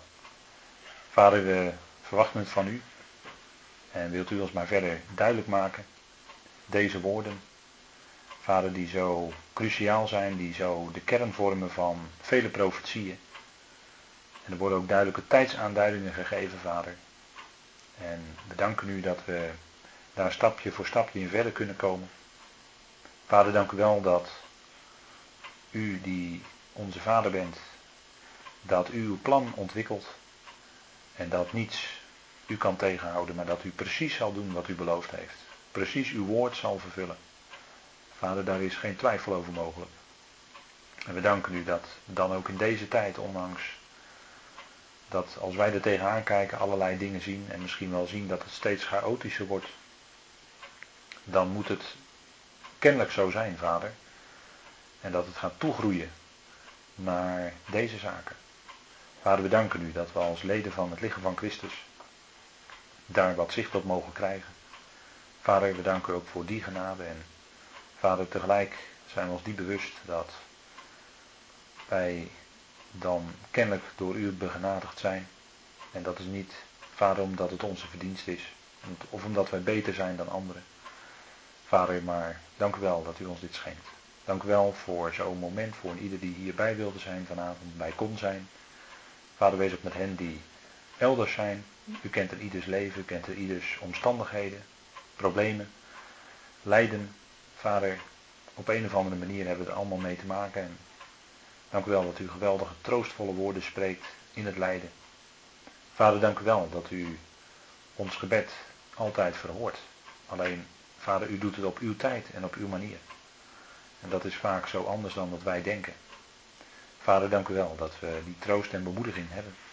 Dat u, wat er ook gebeurt, wij mogen weten dat het in uw hand is en niet buiten uw liefde omgaat. Vader, en u heeft uw volk lief en geweldige beloften gegeven. En u zult ook met hen tot uw doel gaan komen. Dank u wel dat zij weer u als de Allerhoogste God zullen dienen in de komende duizend jaar. En zegenkanaal zullen zijn voor de andere volkeren, Vader. Dank u wel voor al die beloften die u heeft gegeven. Die zult u ook doen. Vader, we danken u voor het betrouwbare woord dat zeer vast is. Vader, en wat schijnt als licht in een duistere plaats. We danken u, Vader, voor uw woorden die licht verspreiden. Vader, en kan het ook zo zijn dat wij door ons leven heen ook misschien iets van dat licht aan anderen kunnen brengen. Vader, we danken u daarvoor in de machtige naam van uw geliefde Zoon, onze Heer Jezus Christus. Amen.